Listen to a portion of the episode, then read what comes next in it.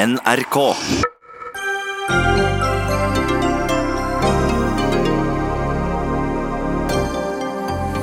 Regjeringens åttende justisminister kunne i dag fortelle noe regjeringen har ønsket å si i over seks år. Mulla Krekar skal sendes ut av landet. Brudd i pensjonsforhandlingene for yrkesgruppene som må gå av tidligere enn andre. 170 000 arbeidstagere vet dermed ikke om de vil få en høyere kompensasjon. Partiet Rødt er uenig med seg selv om partiet skal ha en sluttdato for oljeproduksjon eller ikke. Og en ny reklamevideo for SAS som fortalte at vi ikke var så skandinaviske som vi trodde, har fått så mye kritikk på sosiale medier at SAS fjernet videoen, men har nå lagt ut en ny versjon.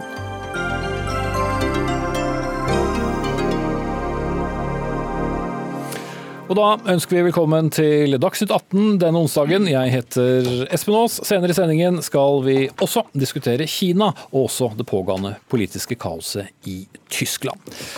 Men vi eh, begynner med hjemlige forhold. Hvor mange justisministre måtte til for å kaste en av landets mest omtalte mennesker ut av Norge? Vel, svaret er kanskje åtte. For i dag vedtok Justis- og beredskapsdepartementet at Nahmudin Farai Ahmad, som kaller seg mulla Krekar, kan utleveres til Italia. Vedtaket kommer etter at Krekar ikke vant frem i det norske rettssystemet med at han ikke skulle sendes ut av Norge. Og Brynjar Meling, Krekars eh, advokat, du har allerede varslet at dere vil klage men på hvilket grunnlag skal dere nå kunne klage etter at den har vært gjennom det norske rettssystemet, denne saken? Nå er det slik i utleveringssaker at det norske rettssystemet, altså domstolen, skal vurdere om han kan utvises, og så er det opp til departementet å vurdere om han skal utvises.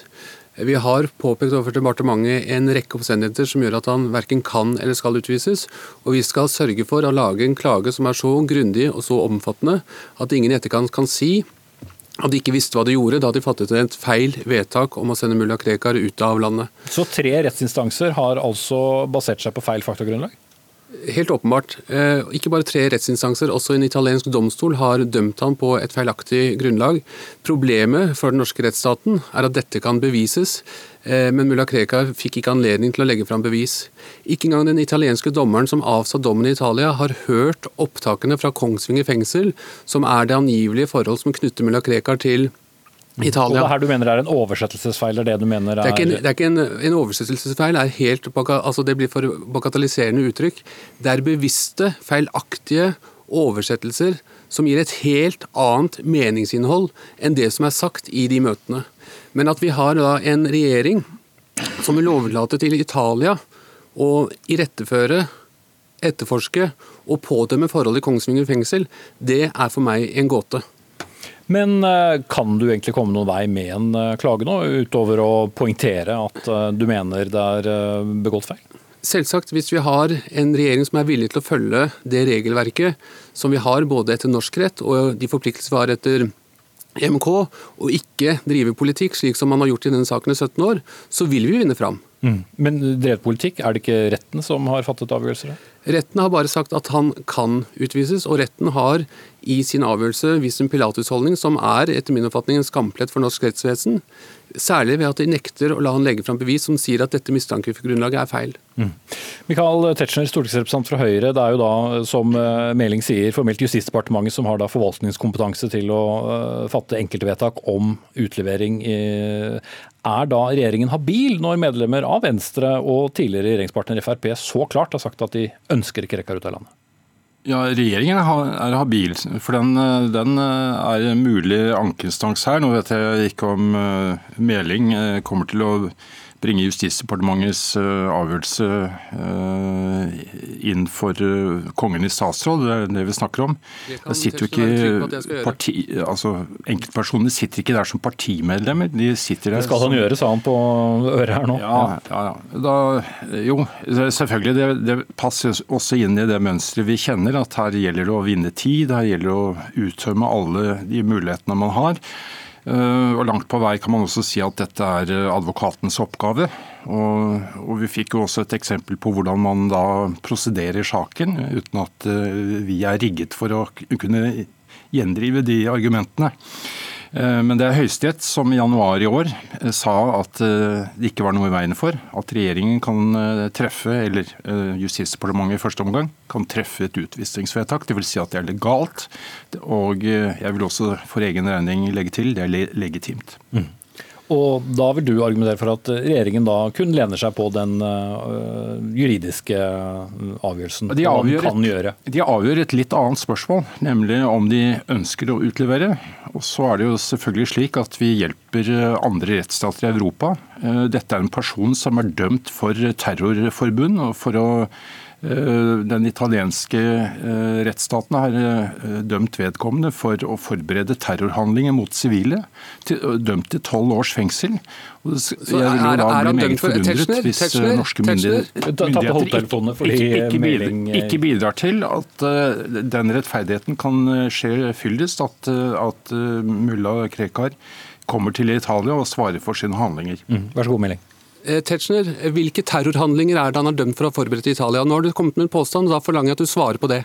Nei, vet du hva. Nå skal ikke jeg prosedere uh, overfor deg, fordi jeg redegjør nå for gangen i saken. Du sa at han var dømt for terrorhandlinger i Italia. Da spør jeg hvilke terrorhandlinger er det han er dømt for i Italia? Når du sier det, du stiller en debatt, da må du være forberedt, da må du svare på det. Hvilke terrorhandlinger er det han Nei, er dømt han er for? Dømt, eh, det jeg prøvde å si, han er dømt for uh, forbund med sikte på å gjennomføre terrorhandlinger. Han har ikke gjennomført terrorhandlinger. Dette er et eksempel på den uh, måten som, okay. som Meling nå driver denne saken på, som er rent ordkløveri. Men, men det, det, finnes ikke et ordkløveri. Jeg forholder meg til bevisene i saken. Nei, jeg forholder meg til saksgangen. Jeg forholder meg til rettsprosessen. Jeg, jeg syns okay. kanskje, kanskje, du skal også tenke på at Høyesterett har gått gjennom saken og i januar i år funnet ut at uh, vilkårene er til stede for utlevering. Mm. Og så er det opp til uh, forvaltningsmyndigheten, som i første omgang har vært justisminister Mæland, som har truffet vedtak om utlevering slik hun kan og skal gjøre.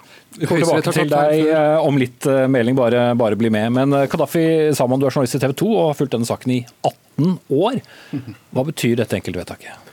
Nei, det har vel aldri sett så mørkt ut for mulla Krekar som det gjør nå.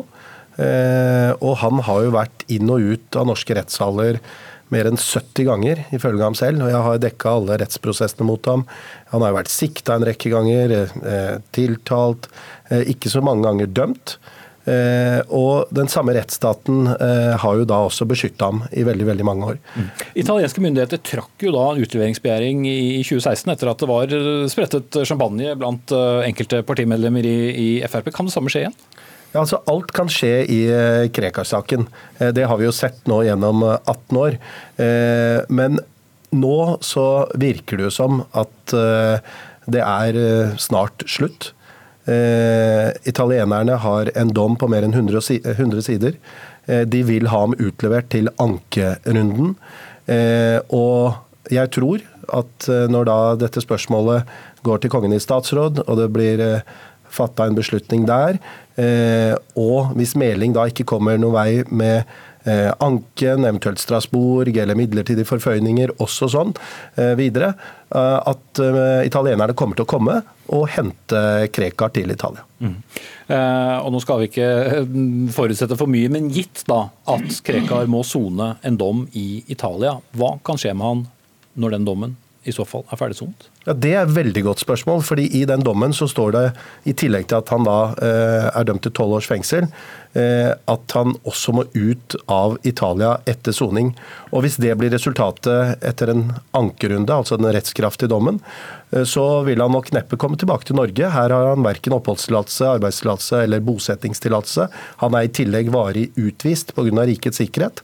Eh, Norge har ikke sendt ham til Nord-Irak pga. frykt for dødsstraff. Så hva italienerne kommer til å gjøre. Kommer de til å få en avtale med Nord-Irak og myndighetene der? Det kan jo skje. Dette er jo langt fram i tid, men det er i hvert fall et godt uh, spørsmål. Mm. Per Amundsen, ja, en av de mange justisministrene som, som ikke fikk sendt ut Krekar, iallfall. Du er nå stortingsrepresentant for Fremskrittspartiet, og du sier i dag at det er en gledens dag. Men først og fremst fordi at domstolene har jobbet ferdig saken, eller?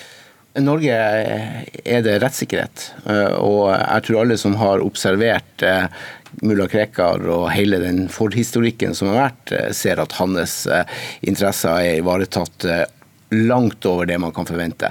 Men det er helt riktig som du sier, en gledens dag. Fremskrittspartiet Jeg gledens dag, men du sier er gledens dag. jo, men du gjenga meg på det, og jeg mener det er en gledens dag. Men det For nå er vi i ferd med å sette et endelig punktum. I ferd med å sette et endelig punktum for, eh, for Krekar, eh, og det mener jeg er særdeles bra. Fremskrittspartiet har alltid vært imot at vi skal ha eh, terrorister på norsk jord, enten de tilhører Ansar Islam eller om de tilhører IS. Programleder. Du skal straks få komme til nå, ja. Meling, jeg skal bare stille ett spørsmål til til Amundsen. Er det en politisk seier? Eh, dette er først og fremst en, en seier for eh, jeg mener både politisk, men også eh, den alminnelige rettsfølelsen som folk kjenner på. At mulla Krekar over så lang tid kan bruke, og noen vil si misbruke, den norske rettsstaten så til de grader, når man vet den historikken han har. Han altså fikk opphold i Norge på slutten av 90-tallet, og, og har etter det vært hodepinner for skiftende regjeringer og mange politikere. Frp har stått støtt i vårt syn okay. på det, og vi har ikke ønska han i Norge. Da melding, vær så god. Eh, Hvorfor er det en gledens dag for Norge som rettsstat at Norge har tillatt at en person skal sitte i et norsk fengsel og planlegge terror i utlandet? Hvorfor kan det være en gledens dag for, eh, for en tidligere justisminister i Norge? Altså, jeg, jeg har ingen interesse av å gå inn og, og diskutere det det. juridiske her med Bryna Meling. Jeg skjønner at han har interesse av å ivareta sin klient. Det har jeg for øvrig, for øvrig respekt for. Men eh, jeg mener det er en politisk seier. Jeg mener det er en Men Hva slags innvirkning har Og- hatt på saken da, i så fall, hvis det er en politisk seier? Altså, som jeg har sagt tidligere i dag, så er det mange justisministre som har jobba med dette. Vi har jo vært avhengig av å ha eh, en, eh, en begjæring om utlevering fra Italia. Det er helt riktig som du sier, de trakk det tilbake i, i 2016. eller så hadde han vært utlevert i 2017, mens jeg var eh, justisminister. Så alt har jo ligget til rette for det.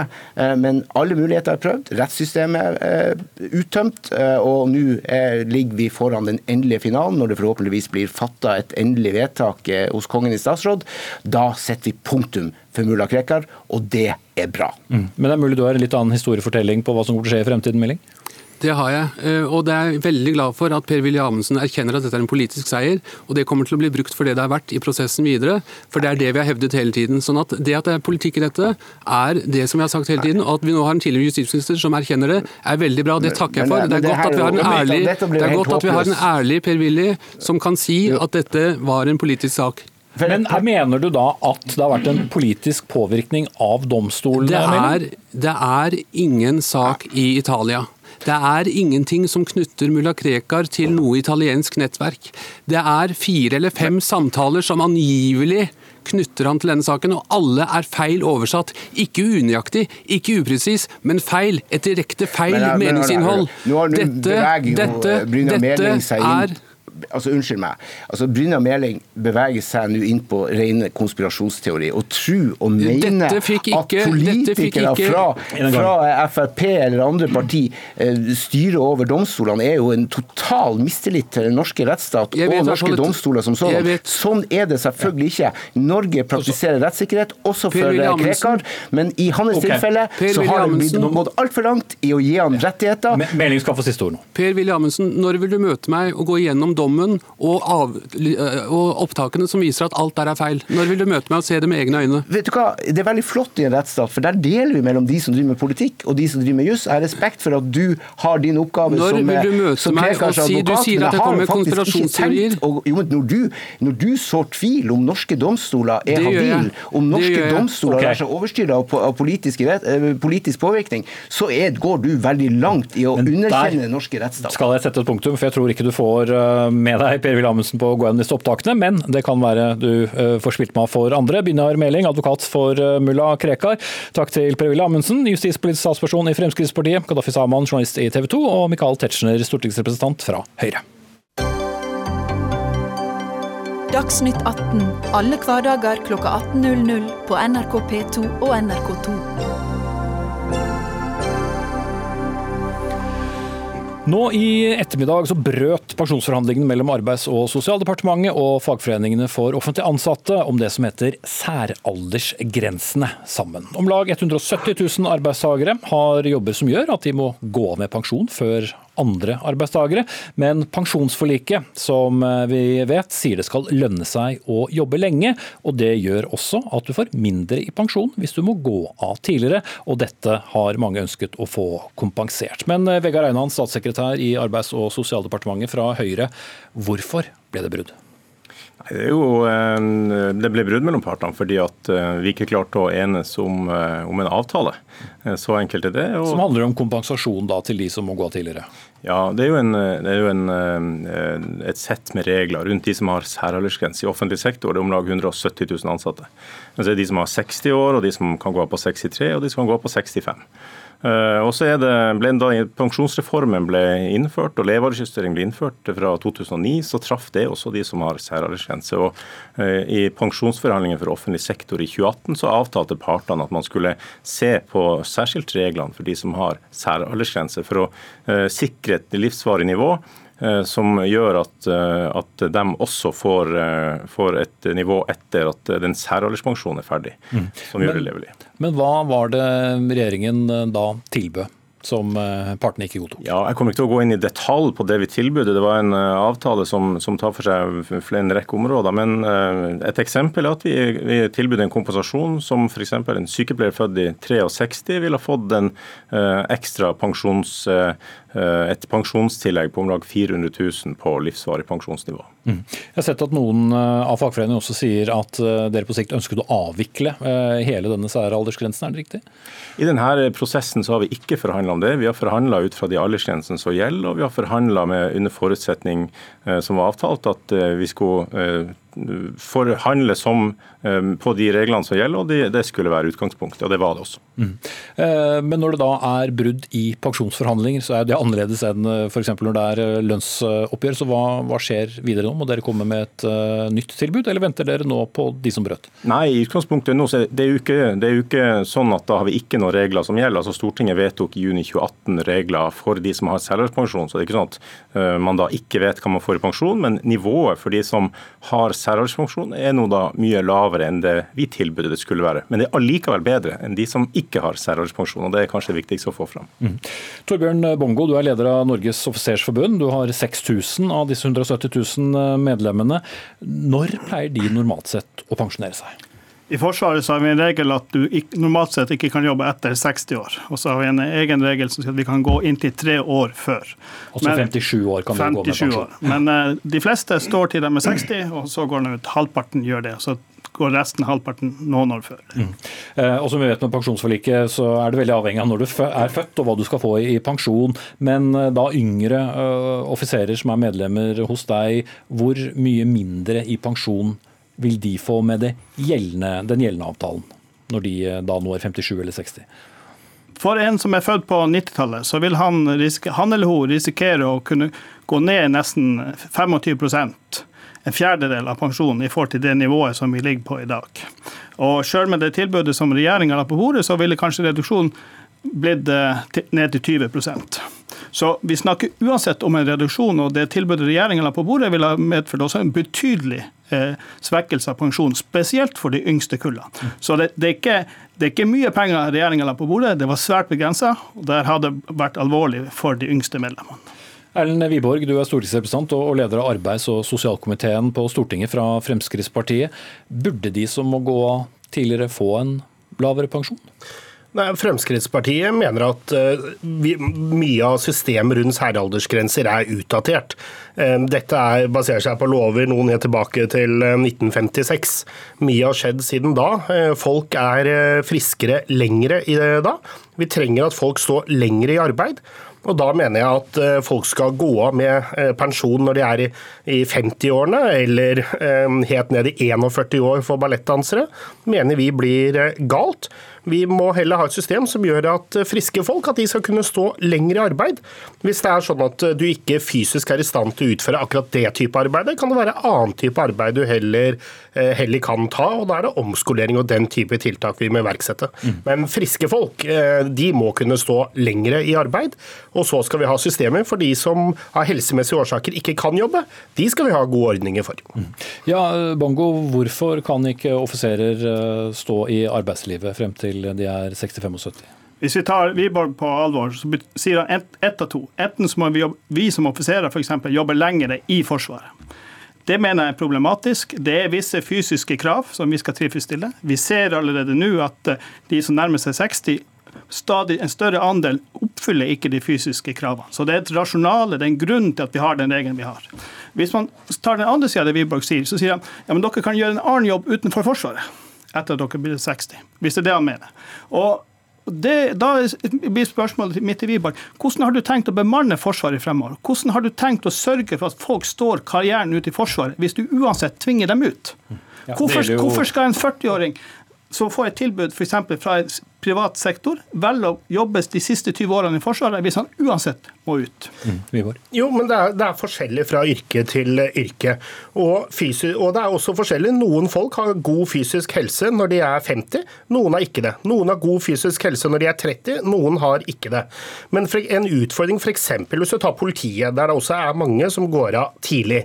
Eh, vi, ja, jeg kan skjønne når du blir eldre at du kanskje ikke ønsker å være ute i operativ tjeneste, men det er mange oppgaver i norsk politi du kan gjøre, selv om du kanskje ikke har den samme helsetilstanden som tidligere, og om det gjelder etterforskning osv. Vi ser jo også at veldig mange av eh, de som går av med særaldersgrensene, ender opp med å jobbe, men da i helt andre type eh, yrker. og Det viser at de har arbeidskapasitet, og da blir det galt at det offentlige skal betale folk for å gå av så tidlig, når vi har bruk for arbeidskraften, vi har bruk for kompetansen de har. Men det Bongo egentlig sier er jo at uh, hvis du sier at de kan jobbe, så får du likevel et problem med at de vil forsyne ut av f.eks. For av Forsvaret og ta seg jobb uh, i det private.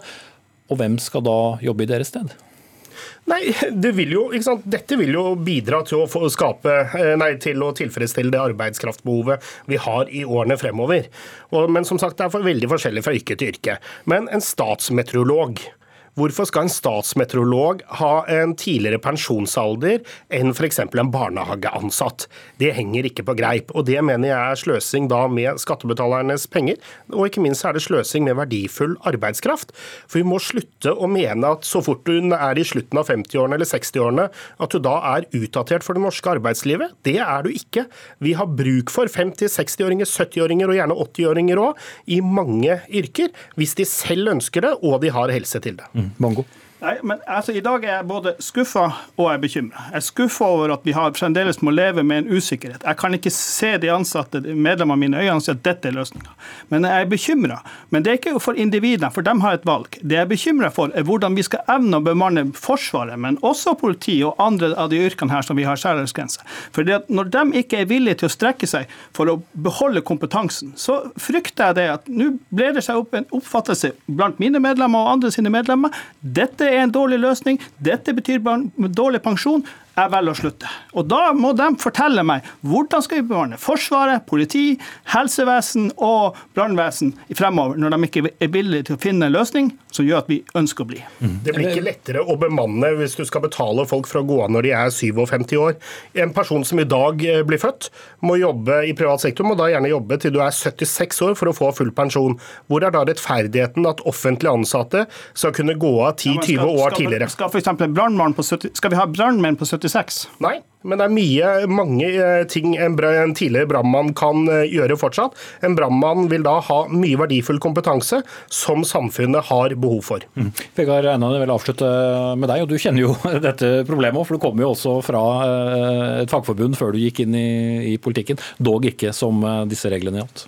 Ja, og for å si sånn jeg jobba sjøl da jeg begynte i, i, luftfart, så hadde jeg 60 års aldersgrense, også da av sikkerhetshensyn. Den ble tatt bort eh, av, av myndighetene gjennom lovregulering. og, og eh, For min del så er det noe jeg har lagt, lagt, bak meg for lenge siden, og erkjenner at eh, skal jeg jobbe den jobben, så måtte jeg jobbe lenger. Men jeg tror vi må, vi må, innrette oss på at alle må jobbe lenger. Alle som kan og alle som vil, må få lov å jobbe lenger. Og så det, blir det feil å si at når, når du når en viss aldersgrense, så er du ikke lenger skikka til å gjøre jobben din pga. en alder. Det du kunne gjøre i går, kan du ikke gjøre i dag fordi at du har hatt bursdag og fylt 60 eller 63 eller 65. Vi må se på hva folk er skikka til, hva de har kompetanse til, eh, og hva de har evne til, og så må vi tilpasse det ut fra det.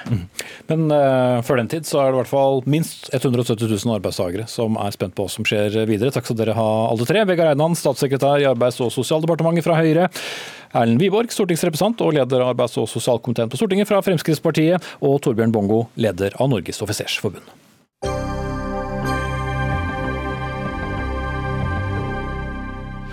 Mot eh, slutten av sendingen skal vi diskutere SAS-reklamen, som fortalte oss at alt vi trodde var typisk skandinavisk, ikke var det likevel, og som skapte så mye oppstuss at flyselskapet trakk hele reklamen. En som ble veldig provosert over videoen, møter en som likte den veldig godt. Men nå må alltid Kinas brudd på menneskerettighetene være med når vi snakker om de andre sidene ved det kinesiske samfunnet.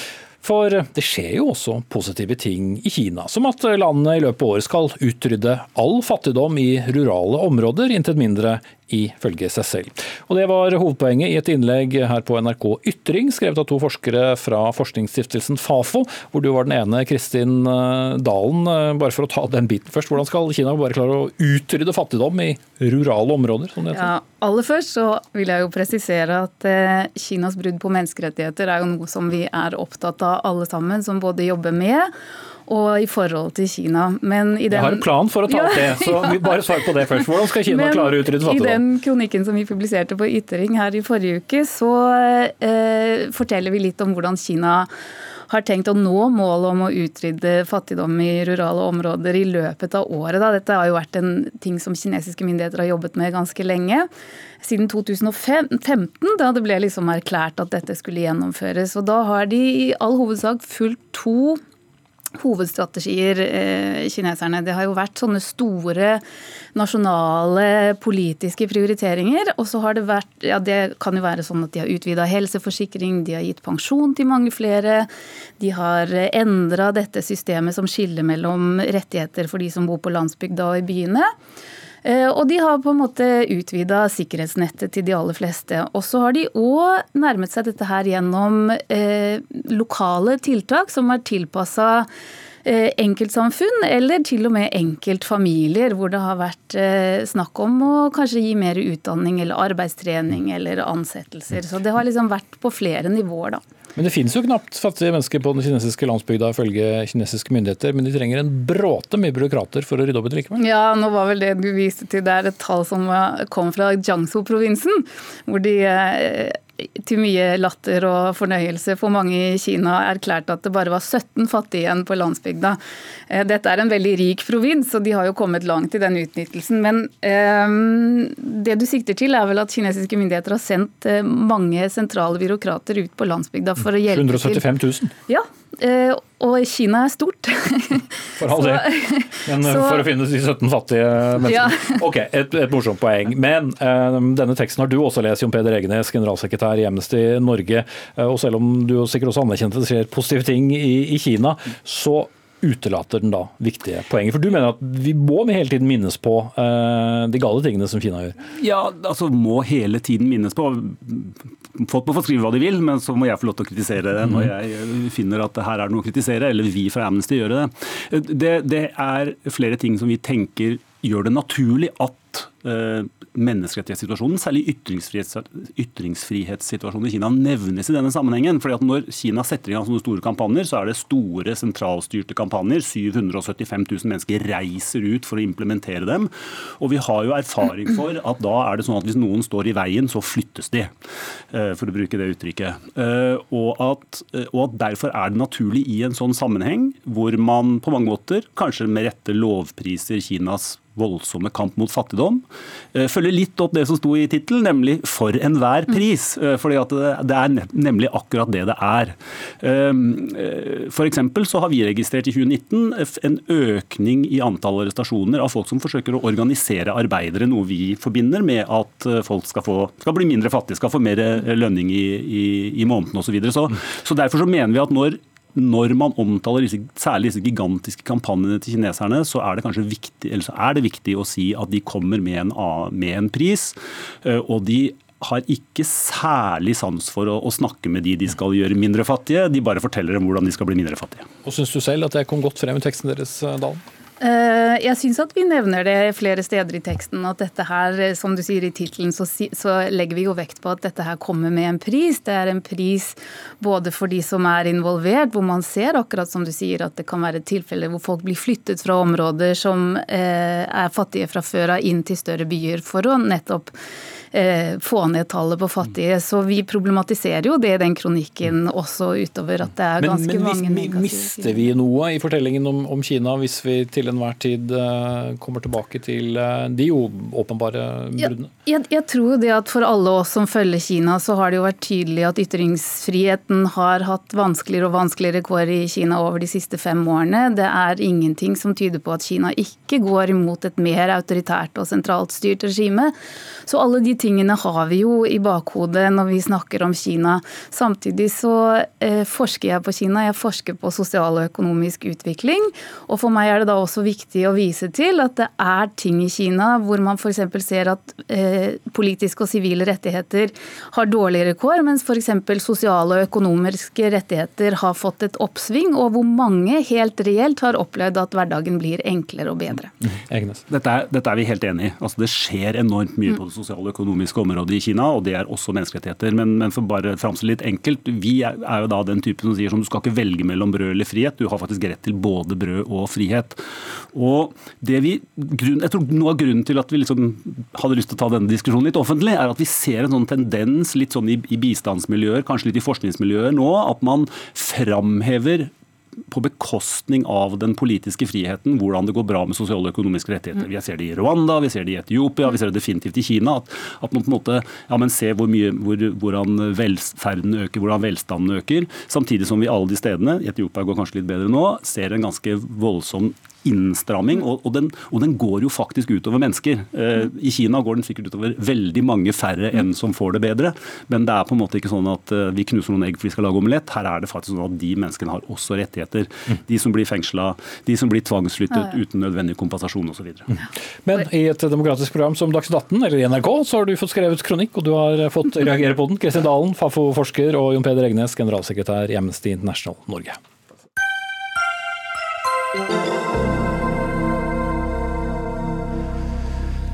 Vi har opptil flere ganger i dette studio den siste tiden snakket om en eventuell sluttdato for oljeutvinning i Norge, og nå til et parti som er ja, uenig med seg selv, for så vidt ikke det første, eh, om når det bør settes nettopp denne sluttdatoen. Mens nestlederen i partiet åpner for å fjerne en sluttdato, så er ungdomspartiet Rød Ungdom bekymret for at miljøprofilen til partiet i så fall vil svekkes.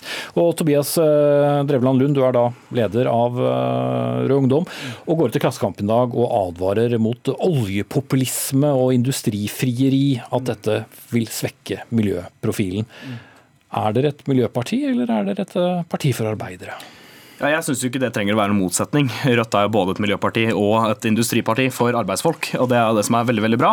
Men jeg er mot å fjerne sluttdatoen av tre grunner. Først og fremst for å skape, fordi det handler om å skape forutsigbarhet for alle de tusenvis av menneskene som jobber i næringa. De må ha et klart politisk signal om at den næringa de jobber i, den kommer til å bli sterke nedtrappinger i i åra som kommer.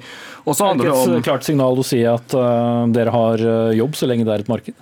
Men greia her er at Hvis vi faktisk skal kutte det er neste poenget mitt, kutte 60% av utslippene våre innen 2030, så er det helt klart at oljeindustrien må ta den største børa der. Det er den industrien som står for 27% av Norges utslipp. Den klart største industrien som det trengs å kuttes i.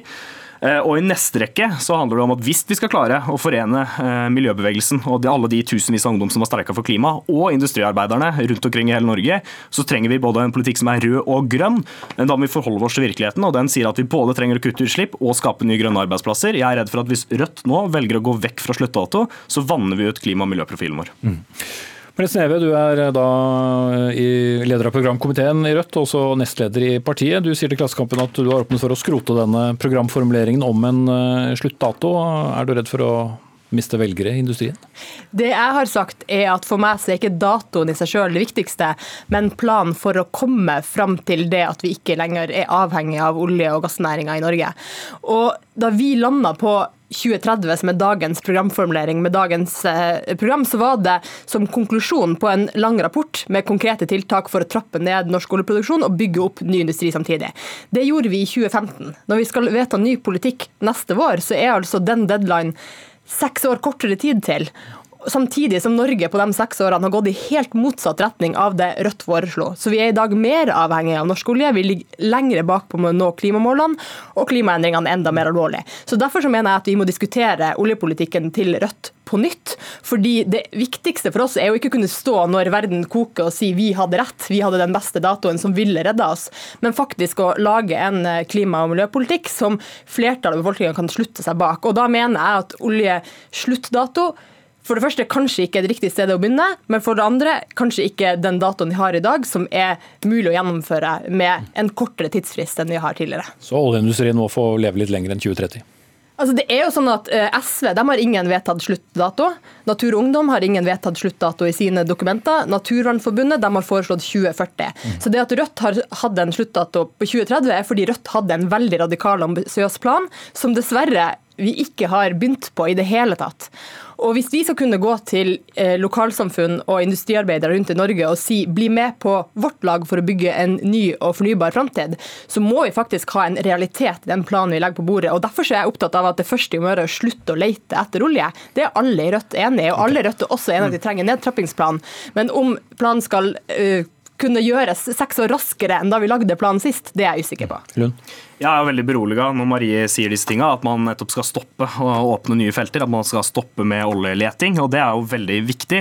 Men så tror jeg det er sånn at hvis vi faktisk politisk skal sette oss et mål om utslippskutt, så trenger vi også å sette oss et mål for reduksjon og av, uh, utfasing av den næringa som står for de største utslippskutta. Mm. Og, og da er 2030 realistisk? Jeg tror nok det er vanskeligere å nå nå, som Marie også sier, med tanke på at det er fem år siden vi lagde den rapporten som ligger til grunn for det tallet. Det var jo ikke tenkt på tallprosess hvordan vi fant dette årstallet. Det var jo på bakgrunn av faglige vurderinger i partiet og med fagfolk folk. Men jeg tror jo fem år etterpå at det er eh, fortsatt viktig å ha en sluttdato. Jeg mener at Den trenger ikke å forsvinne. Jeg er ikke gift med 2030, men jeg mener at det burde være på 2030-tallet, om ikke annet.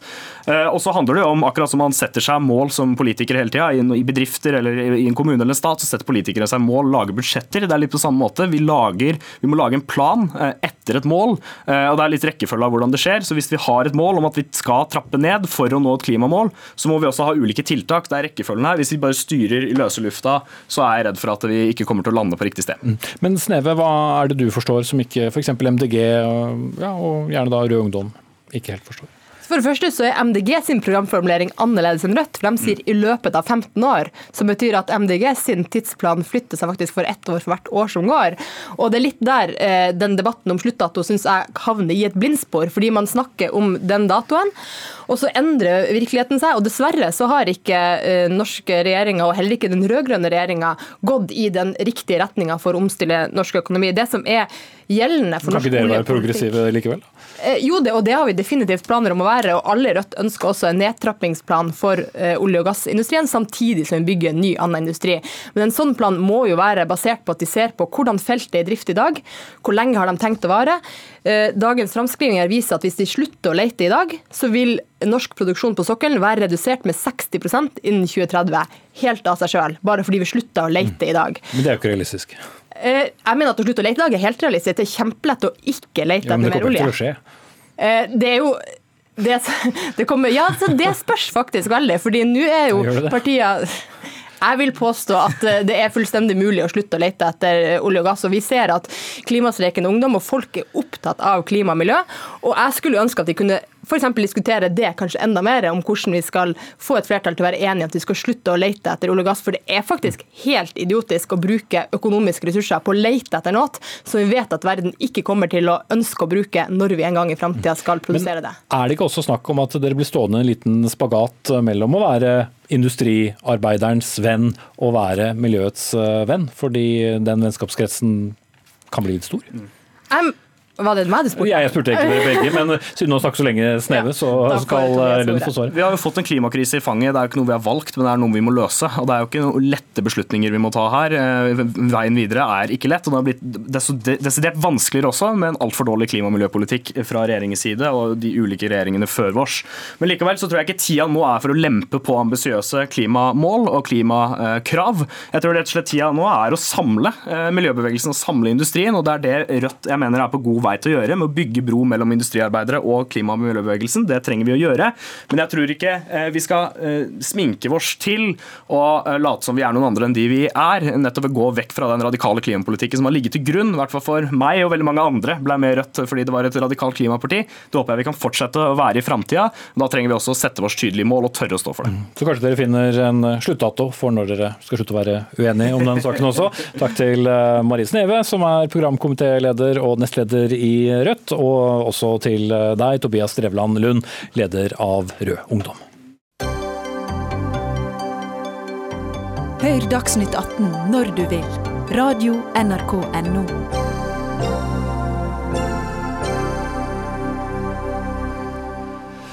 Så til eh, et land som står oss og er oss veldig nær, men som vi kanskje ikke diskuterer så ofte i Dagsnytt 18, nemlig Tyskland. For der er et stort spørsmål skal partier i sentrum samarbeide med ytre høyre. Ja, dette spørsmålet har skapt splid i flere og flere land, og nå også Tyskland. Og det hele har reddet til et eh, slags politisk kaos. For etter at eh, kristendemokratiske CDU i delstaten Turingen inngikk samarbeid med Arbeiderpartiet Alternativ alternativ for Tyskland, som befinner seg da på ytre høyre fløy, så har Angela Merkels parti befunnet seg i unntakstilstand. Ikke minst fordi Merkels eh, etterfølger som forbundskansler, partileder Anne Grete Kamp-Karrenbauer, valgte å gå av som følge av denne konflikten. Og vår korrespondent i Berlin, Roger Severin eh, Bruland, eh, hvor står egentlig mektige Angela Merkels parti nå etter alt som har skjedd? Ja, Det er ikke bare orkanen Sabine som har blåst over Tyskland denne veka. Det er jo politisk storm de luxe. Og Det blir jo sett på som et svakhetstegn det at Angela Merkel eh, ikke klarte å stoppe det mange kaller som eh, kristendemokratene sitt eh, renkespill på, på lokalplan i Turingen, der de blir skylda for å ha tvinga fram et slags samarbeid med da høyrenasjonalistiske AFD. Og så eh, ble jo konsekvensen av det at eh, Anne Grete Kramp-Karrenbauer, som var da eh, kronprinsessa til Merkel, hun som skulle videreføre sentrumspolitikken og åpen dør-politikken, og og, videreføre storkoalisjon, hun trakk seg rett og slett pga. måten en hadde håndtert denne krisa i Turingen. Og nå ser det da ut som at det er da personer fra da høyresida i Kristendemokratene som gjør seg klar, kvesser knivene og skal prøve å, å ta, ta, over makta fra sentrumspolitikerne og Merkel sine folk. Mm. Men det virker jo da nærmest som dette kom som en stor overraskelse på den eh, sentrale ledelsen i, i eh, CDU, altså Merkels parti? Merkel sa jo under pressekonferansen når hun kommenterte at det var ikke overraskende. Men vi må huske på at turingen er litt eh, spesielt er litt komplisert. Det er mange voteringsomganger, så det var ikke helt åpenbart umiddelbart at Kristendemokratene hadde vært med på å, å lage det her eh, samarbeidet der en sånn miniparti da, med, med som bare så vidt kom over sperregrensa under lokalvalget, plutselig fikk ministerpresidentposisjonen i Turinga, altså ble regjeringssjef sjef. Eh, men når en begynte å rekne tilbake, så så en jo det at eh, det var jo akkurat det som hadde skjedd. Og ja, eh, nå rakner det jo fullstendig for kristendemokratene i Turingen. De går kjempemasse tilbake. Og så har vi da det som blir kalt av noen gammelkommunistene, altså De Linke, som er det største partiet i, i Turingen, som har røttene sine i det gamle sosialistpartiet fra DDR. De var det største, de bare vokser og vokser. Så ser vi at eh, AFD også tjener litt på denne eh, krisa. Og da spør mange seg hvordan vil dette her eh, da overføre seg til det føderale plan, og det er det store spørsmålet. Rebekka Bors, her i studio, kjenner deg først og fremst som venstrepolitiker, men du er også norsk-tysker. Hvordan mener du at denne situasjonen har klart å bli så alvorlig som den nå har blitt, med så dyp splittelse innad i et så stort og viktig parti i Tyskland? Mm -hmm. Altså, dette er sammensatt, og det at uh, Kram Karnbauer trakk seg. Eh, helt sikkert hadde denne situasjonen mye å si, det var kanskje den siste dråpen. Men man må kanskje også legge til at hennes tid som partileder fram til da ikke hadde vært spesielt vellykket. Det er også første gang eh, at man i Tyskland har delt partilederjobben og forbundskanslerjobben med to personer. Eh, noe som Merkel nå i etterkant har sagt kanskje ikke var vellykket. Ja, for Hvis vi spoler litt tilbake, så var det det Ja. som skjedde da hun Nå, Merkel, måtte trakk seg ja. litt tilbake, fortsatte Riktig. som forbundskansler, Ja. men eh, lot da en partikollega overta Helt riktig. Og eh, når hun trakk seg nå, så var det vel et resultat av at hun så at hun ikke hadde den nødvendige autoritet ute i rekkene til å forhindre det debaklet som man må si det er helt krise i Tyskland. At det som skjedde, har skjedd. Og det som skjedde var jo at eh, det er ikke et formelt samarbeid, men eh, delstatsministerposten ble valgt med hjelp av stemmene av disse AFD-landene, som jo av mange anses som til dels også høyreekstreme, altså ikke bare ytre høyre, men et parti som helt bevisst spiller med naziretorikk.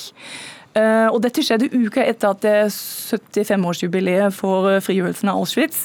Så det er klart det er mange emosjoner i spill, og det er et tabu, altså et, et brudd med, et, med tysk tabu om at du skal ikke, intet parti i Tyskland ønsker å samarbeide med den type politikere, som man også som anses som antidemokratiske. Og at dette valget skjedde, det var virkelig, altså det er det største ramaskriket jeg har sett i tysk politikk. Men noe må jo åpenbart da også ha skjedd eh, internt i i CDU, i hvert fall da på, på lokalplan, hvor man tenker at uh, ok, dette er slik vi har gjort det nå siden krigen, men nå er det på tide å tenke nytt. Det er eh, partier på ytre høyre som, som har oppslutning. Og dessverre er det ikke lokalplan, men det er delstatsplan. Vi snakker jo om en delstat med to millioner innbyggere, så det er ikke amatører som driver politikk. Så dette er ikke noe som bare har skjedd. Og det er jo det som er krisen. At noen har visst, eller noen har hatt en plan med dette. Eh, Og Det avslører også da at det ikke er god nok styring i Tysklands største parti. Men at flere partier, bl.a. de liberale, jo åpenbart da har blitt med på noe som ja, mange anser som rett og slett uakseptabelt. Så det er flere partier som er i krise. De liberale kom jo så vidt over sperregrensen, og de frykter jo kanskje hvis det skulle bli nyvalg, at de selvfølgelig detter rett ut. Om det blir nyvalg er ikke avklart, men akkurat nå er vel den største problematikken at eh, det største partiet i praksis står uten ledelse. For selv om hun formelt fortsetter ut året, så er det jo ingen som ordentlig styrer. Og Roger Severin Bruland, Tyskland er jo på mange måter, eh, i hvert fall EU, så langt på vei Europas eh, økonomiske lokomotiv. Og med ja, et eh, så stort vakuum, kan vi vel egentlig si, i, ledelsen. Hvordan påvirker dette veien videre? Det blir utrolig spennende. Vi må jo huske på at eh, Tyskland skal jo ha presidentskapet i EU nå i høst, og skal jo eh, ta eh, Storbritannia ut av EU og brexit og det her, så det er jo mange store løft som står foran her. Og det er jo klart at når en ikke har en tydelig ledelse, så blir jo det utrolig krevende. Og nå sier også partneren, altså sosialdemokratene her i Tyskland, som er med i den store koalisjonen sammen med CDU, at det er jo Merkels politikk vi er i koalisjon sammen med. og Hvis det blir noen endring på det, så er ikke det aktuelt for oss å være noen koalisjon. Det er masse usikkerhet, og det blir eh, utrolig spennende å følge de politiske prosessene framover. Men det blir vel da en solid oppvask innad i CDU, da, Mors? Ja, det er de vel godt i gang med. Eh, Og så er jo mange i gang med å rigge seg til å gå inn i den kampen om å bli ny partileder. Og det er klart, eh, etter at Merkel nå har feilet med sin moderate kvinnelige kandidat, så er- ligger jo alt til rette for at det kanskje blir en som drar CDU med til høyre igjen, og så får demme opp mot den lekkasjen som mange sier på ytre høyre fløy. Men det er også noen andre spennende kandidater fra, delstats, fra delstaten Nord-Vestfalen, hvor jeg kommer fra, som er delstatsminister der. Han er litt mer moderat, og så er det en ung kandidat, relativt ung, 39. For Tyskland er det egentlig få ungt, kan man vel si. De har aldri hatt en en partileder som er eh, ja, under 45-50. Eh, Han heter Jens Spahn og er helseminister. Så det er en del folk der, alle sammen menn. Eh, Men politisk står de et stykke fra hverandre, så det blir veldig spennende hvem som eh, får gjennomslag. Men da denne landsmoderen eh, og forbundskansleren Angela Merkel, det blir et mer og mer fragmentert bilde som blir stående igjen etter henne? Hun er helt klart svekket, og det at hun er Hun fremstår som mer fraværende fordi hun er kun i anførselstegn forbundskansler, mye på reise, mye ute. Og det øh, Anne-Gret Kramp-Karrenbauer skulle gjøre, det er å kjøre butikken hjemme. Og det har feilet, mislykkes, og det er klart det rammer Merkel veldig direkte. Takk skal du ha, Rebekka Borsch, venstrepolitiker og norsk-tysker. Og takk til vår Berlin-korrespondent Roger Severin Bruland for at dere gjorde oss litt klokere om denne veldig spennende politiske saken som pågår i det store europeiske landet Tyskland.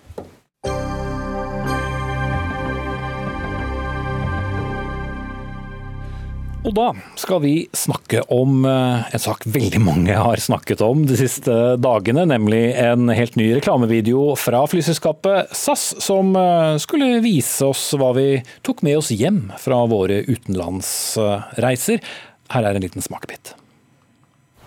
What is truly Scandinavian? Grattis! Absolutely nothing.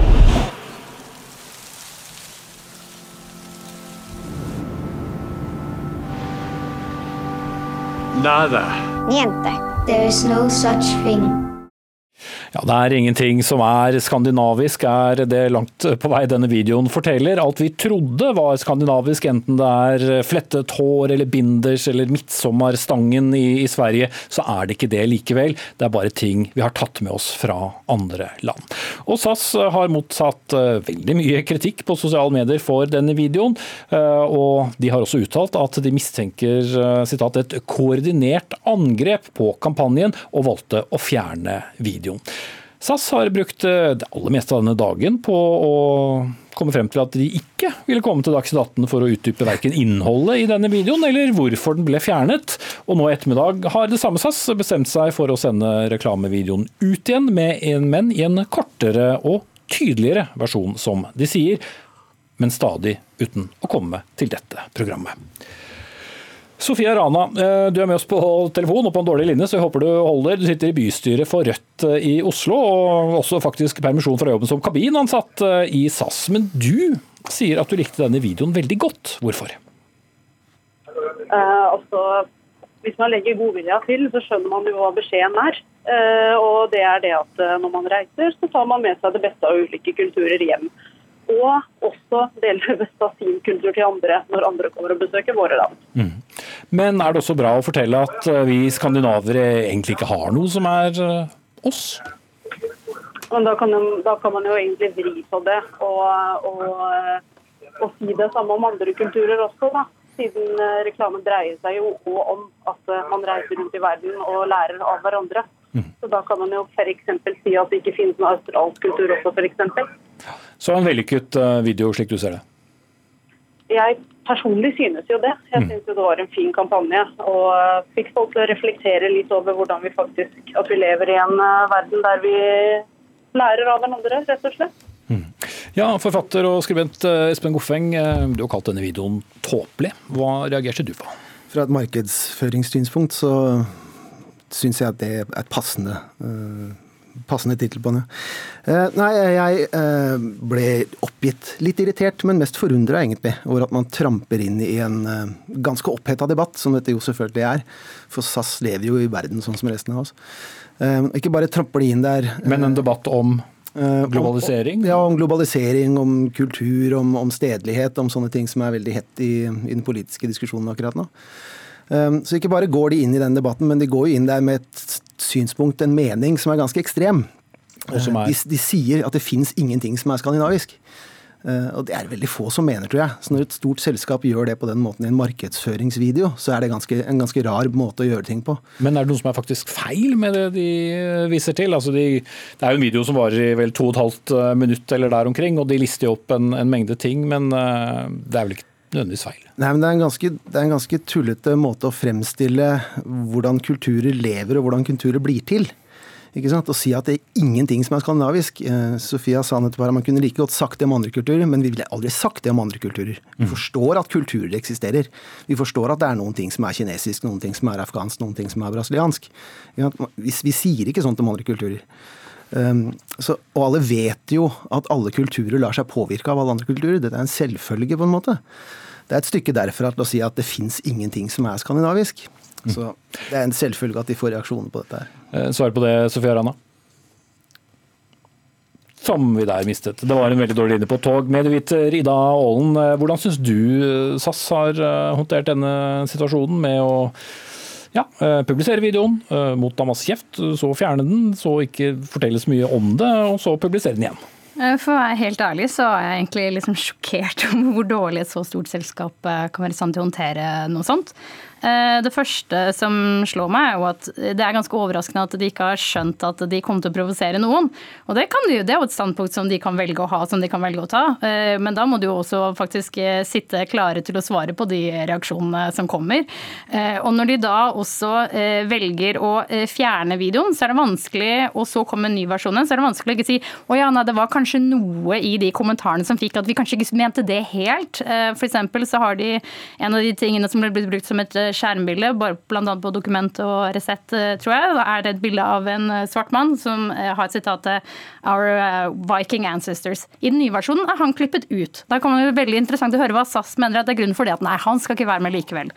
I tillegg, når de kaller det koordinert angrep, så er det på en måte Det er ingenting jeg har sett i de omtalene som jeg mener legitimerer å kalle det koordinert angrep. Ja, det er mange som har latt seg engasjere. Du kan si det er en slags mobilisering, sikkert oppfordringer til å gå inn og skrive, men det er et helt legitimt eh, måte å protestere eh, mot noe. Å skrive på Facebook-veggen til et selskap etter at de har publisert en video. og Jeg, tenker, jeg eh, føler meg liksom godt hjemme på venstresida, men hvis jeg hadde sett noen skulle eh, bruke lignende begreper om noe som kom den andre veien. For andre å si at ja, det er et koordinert angrep. Hvis, vi hadde på en måte, hvis noen fra venstrelinjen hadde skrevet noe lignende på egen, så hadde sagt eh, det er eh, rett og slett eh, Det går ikke an å kalle det, da. Eh, så på en måte sånn så kan man si det er jo skremmende nok at det er så mange som klarer å hisse seg opp over det uten at det er et koordinert angrep engang. Det er kanskje det som er det mer interessante, da. Eh, så jeg, jeg vet nesten ikke hvilken ende jeg skal begynne en gang her. Jeg merker jeg kan prate ganske lenge om dette. Men, men det er jo interessant, for du skal ikke lete veldig lenge på sosiale medier for å se mye da raseri eh, over dette. Men hva, hva Goffeng, er det som tar deg så mye med det? Føles det som et angrep? Denne Det er ikke så mye som tar meg så mye med det, egentlig, men det er en veldig interessant sak å være med på. For som sagt, det går rett inn i en veldig stor debatt som er ganske het om dagen. Um, for det er jo, vi, lever i samfunn som forandrer seg veldig fort på veldig mange måter, um, med grenser som er litt utflytende. Um, veldig mye internasjonale uh, ting som skjer, som folk kanskje føler at ligger litt utenfor rekkevidden til en enkel stemmeseddel da, inni, Mm. inni et land. Um, og det er nok veldig mange som liksom føler at det de står på, uh, rister litt. Rann. Ja, men Er det et angrep da på skandinaviske verdier, norske verdier? Altså, Vi er jo innom denne diskusjonen eh, titt og ofte. jeg, jeg, tror ikke, jeg tror ikke noen har sittet i SAS og sagt nå skal vi jaggu meg angripe skandinaviske verdier. Jeg tror ikke det er sånn det har foregått. Nei, jeg tenker jo mer på mottakersiden, da. Å ja, sånn ja. Um, ja, det er nok noen som føler det.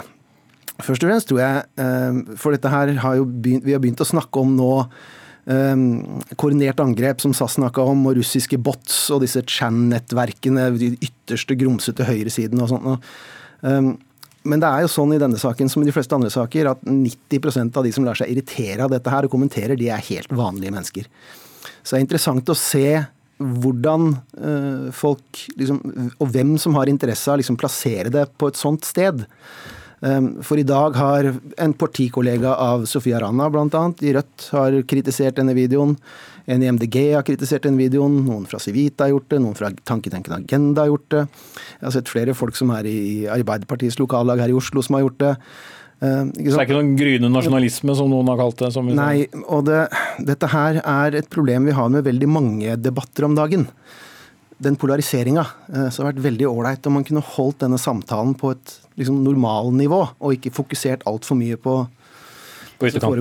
Siden, ja, siden Sofia Rana falt der, så må jeg må bare si at jeg mener at det, det ingen burde egentlig hisse seg veldig opp over at noe, ingenting er truly Scandinavian. Det sier ingenting er 100 skandinavisk, og det mener jo du også i din egen tekst i Minerva. Så skriver du det. Ikke sant? Så la oss ikke på en måte også bli så innmari krenket over det. eh, For det er jo mye snakk om krenkningskultur. Nå er det noen på en måte på den andre siden som føler seg veldig krenket eh, denne gangen. Men eh, når det er sagt, så må jeg liksom, og dette blir spekulasjon, men liksom jeg har prøvd å forestille meg hvordan klarte de ikke å se for seg at hvert fall deler av publikummet kan bli, bli provosert av dette. Da klarer jeg ikke liksom se for meg noe annet enn eh, Hvis vi tenker eh, 10 år tilbake eller 20 år tilbake, hvem var det som da ville fly eh, langt og gjøre det? Ja, nei, ikke sant? Folk som er sånn, ja, interessert i andre kulturer, nye inntrykk. Men så har vi på en måte lever også en tid hvor en måte, eh, det er mange som vil at Greta Thunberg skal vinne fredsprisen, eller hva, hva da? Det er ikke det politisk korrekte å fly over Atlanterhavet lenger. Og så tenker jeg sånn, ja, men hvordan kan vi gjøre det politisk korrekte å fly igjen? Hvordan kan man gjøre det til det moderne tidsriktige? Ja, hva med andre kulturimpulser? Da? Det er bare sånn, Hvis man sitter på det tankesporet, så klarer man ikke å se for seg at man havner i en identitets... Får bare gjenta at vi gjerne skulle hatt til å svare på dette, men uh, til tross for tidlig henvendelse så har de takket nei. Men kanskje iallfall vi nordmenn fant opp det særegne tradisjonen med å stå helt oppi bagasjebåndet på flyplassene, uansett hvor bred den røde strippen er. Takk til medieviter Ida Ollen og Sofie Rana som så vidt var med oss på telefon, og forfatter og skribent Espen Goffeng som skrev om dette på Minerva i dag. Ansvarlig for sendingen Dag Dørum, teknisk ansvarlig Frode Thorshaug. Jeg heter Espen Aas. Vi er tilbake igjen i morgen, samme tid, samme sted.